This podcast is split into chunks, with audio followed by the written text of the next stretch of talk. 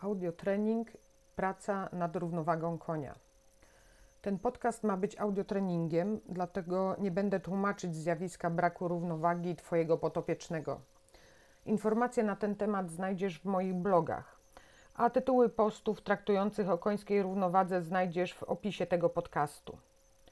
Przed wysłuchaniem treningu musisz tylko wiedzieć, że brak zrównoważenia ciała konia leży u źródła praktycznie każdego problemu, jaki można napotkać podczas pracy z wierzchowcami. I to dotyczy pracy z jego grzbietu, jak i z ziemi. Wierzchowce, szukając sposobu na utrzymanie się na nogach przy braku równowagi, zachowują się w przeróżny sposób. Każdy na swój własny sposób. Nawet jeżeli te zachowania są podobne u iluś zwierząt, to na pewno różnią je niuanse, czasami zresztą trudne do wykrycia. Te zachowania konie dopasowują też do działań człowieka, który jest obok nich albo na nich. Dlatego nie możesz pracować z koniem sztampowo, namawiając go do zrównoważenia ciała. To zawsze musi być podejście indywidualne.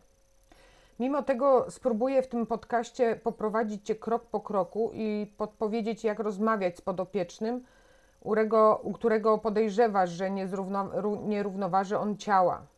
Podpowiem, jakie powinny być podstawowe sygnały przekazywane zwierzęciu przy prowadzeniu go do zrównoważenia ciała. Podpowiem, ale nie po to, by stworzyć przepis czy metodę. Podpowiem, by pomóc Tobie zrozumieć ideę takiej pracy.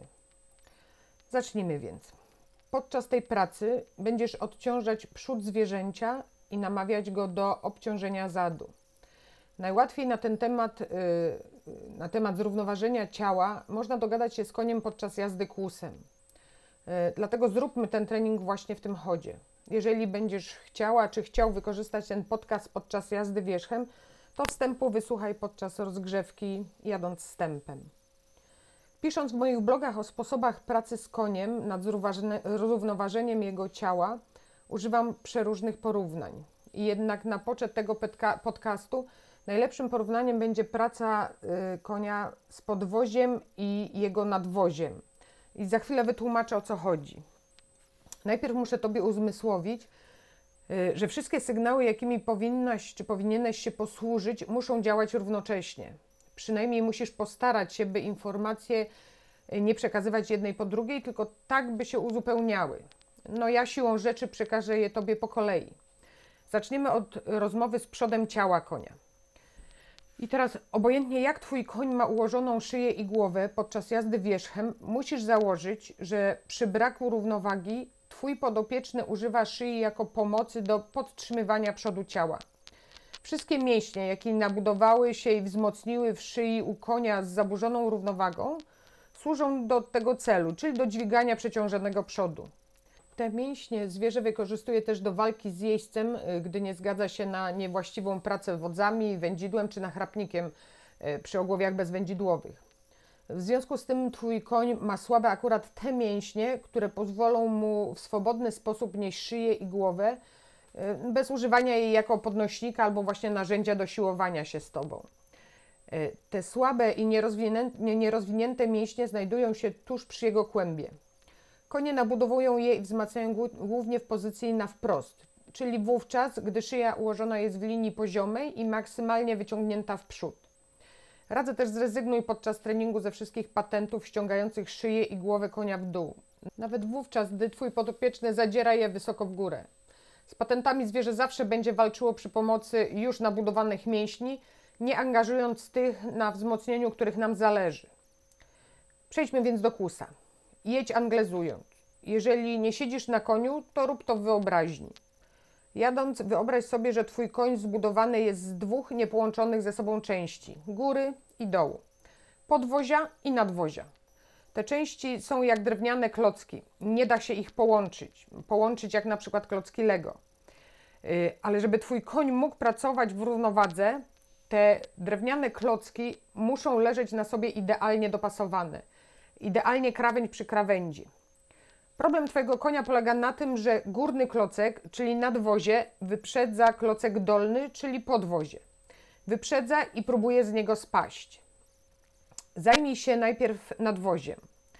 Musisz namówić y, je do lekkiego wycofania się, y, a raczej powstrzymania się od dalszego wyprzedzania i spadania z podwozia. Jako przekaźnik informacji użyj własne ciało i wodze z wędzidłem albo z nachrapnikiem. Zacznijmy od pracy wodzami. Wyobraź sobie, że wędzidło albo nachrapnik, jeżeli jeździsz na ogłowiu bezwędzidłowym, jest przyczepione do klatki piersiowej konia, wcale nie do jego pyska. Tym wędzidłem czy nachrapnikiem zacznij klepać konia w pierś. Niech to będą krótkie i powtarzane sygnały. Ale to, że masz klepać w pierś, nie znaczy, że masz obniżać y, ręce, że ręce mają być nisko, y, jak najbliżej y, klatki piersiowej. Nie, ręce masz ułożone nad kłębem. Siła tych klepnięć w pierś zależy od tego, jak i czy w ogóle zwierzę reaguje generalnie dążymy do tego, żeby klepnięcia były delikatne. Y, jeżeli koń nie reaguje, musisz klepnąć go mocniej i wyraźniej raz na jakiś czas. Powtarzaj sygnały i próbuj, spróbuj poczuć reakcję konia na nie. Jaka to ma być reakcja? Zwierzę powinno przede wszystkim zwolnić na chwilę tempo kłusa. I musisz mieć wrażenie, że to zwolnienie tempa wynika z tego, że Twój sygnał zaintrygował i zwrócił uwagę zwierzęcia, E, zwrócił uwagę na Twoje działania.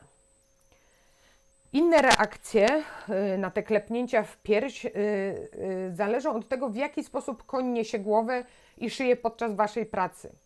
Jeżeli koń wisi na wodzach, jeżeli obciąża swoim ciężarem Twoje ręce, to po klepnięciach w pierś powinien on zmniejszyć na chwilę ciężar na Twoich rękach. Jeżeli natomiast wierzchowiec biega z zadartą szyją i głową, to po tym sygnale powinien odpuścić napięcie i zapalczywość, z jaką tą szyję zadziera. Powinien też lekko obniżyć układ szyi. Klepnięcia w pierś nie są jedynym sygnałem, jaki musisz dawać wodzami, wędzidłem czy nachrapnikiem. Gdy pracujesz z koniem niosącym tą szyję właśnie wysoko zadartą, sygnałem jest też sposób, w jaki niesiesz Twoje pracujące ręce. Powinny one być wówczas uniesione y, dość znacznie nad koński kłąb. Y, takim ułożeniem rąk poinformujesz zwierzę, że nie zamierzasz siłować się z jego głową i szyją i nie zamierzasz ściągać jej w dół. Poinformujesz podopiecznego, że chcesz rozmawiać z nim przez delikatny i zrozumiały kontakt. Jeżeli chcesz dowiedzieć się więcej na temat ułożenia rąk jeźdźca podczas pracy z grzbietu konia, to przeczytaj moje posty na ten temat. Linki też do nich znajdziesz w opisie podcastu. Ale wracamy do pracy. Jeżeli pracujesz na koniu uwieszonym na wodzach albo pracujesz na koniu przeganaszowanym na tyle, że nie czujesz ciężaru yy, jego głowy na rękach, to Twoje ręce powinny dodatkowo przekazywać prośbę o podniesienie głowy i szyi. I teraz tak, koń wiszący musi ją podnieść, wiszący na wodzach musi ją podnieść, żeby uczyć się samodzielnie nieść nadwozie bo ciężar, którym koń obciąża Twoje dłonie, to ciężar tego właśnie spadającego górnego klocka. Dopóki będziesz go niósł czy niosła, koń nie zwróci uwagi na prośby o wycofanie nadwozia czy powstrzymanie i ułożenie y, go na podwoziu. Natomiast koń przeganaszowany nie czuje i jakby nie słyszy tych klepnięć w pierś. Konie chowają się za wędzidło, chowa, przeganaszowują się właśnie po to, żeby nie czuć i nie słyszeć sygnałów dawanych wodzami, wędzidłem czy nachrapnikiem. Żeby więc dotrzeć do konia z informacją przekazywaną końskiej piersi, musisz namusić, namówić zwierzę do podniesienia głowy i wyjścia z nosem przed wędzidło. Y, prośby o podniesienie głowy i szyi przekazuj na przemian klepnięciami w pierś. Te sygnały podnoszące, w cudzysłowie podnoszące, bo to pro, jest prośba o podniesienie, to krótkie i powtarzane szarpnięcia za wodze. Wędzidło czy nachrapnik. Ręce do pracy y, tymi sygnałami wyciągnij maksymalnie w stronę końskich uszu. I wyobraź sobie wówczas, że w rękach nie trzymasz wodzy, tylko wędki, które, y, których haczyki zaplątały się podwodne rośliny i musisz je uwolnić y, i odhaczyć właśnie z tych roślin. Wróćmy teraz do klepnięć w pierś. Są one sygnałem mówiącym przede wszystkim skup się koniu. Uwaga koniu, chcę przekazać Twojej górnej części ważną informację, czyli są to sygnały skupiające. I teraz tak, nie przerywając pracy wodzami, uruchom swoje ciało do rozmowy z nadwoziem podopiecznego. Musisz wyobrazić sobie, że zwalniając ruch swojego ciała, Wstrzymasz zapędy nadwozia do wyprzedzania podwozia. Nie chcę jednak, żebyś próbowała czy próbował napinać mięśnie swojego ciała. Nie chcę, żebyś ściskała czy ściskał konia y, swoimi nogami i pośladkami. Praca ciałem ma działać w Twojej wyobraźni. Wyobraź sobie, że nie podążasz swoim ciałem za spadającym górnym klockiem. Wyobraź sobie, że zostajesz ciałem dokładnie nad środkiem klocka dolnego, mimo że ten górny wysuwa się spod ciebie. Sugerujesz tym samym górnemu klockowi, żeby wrócił na swoje miejsce, czyli pod Twoje rozstawione nogi i na dolny klocek. Spróbuj wyraźnie też zwolnić ruch yy, anglezowania, ruch Twojego podnoszenia się i przysiadania w siodło, namawiając w ten sposób nadwozie do zwolnienia i wstrzymania ruchu.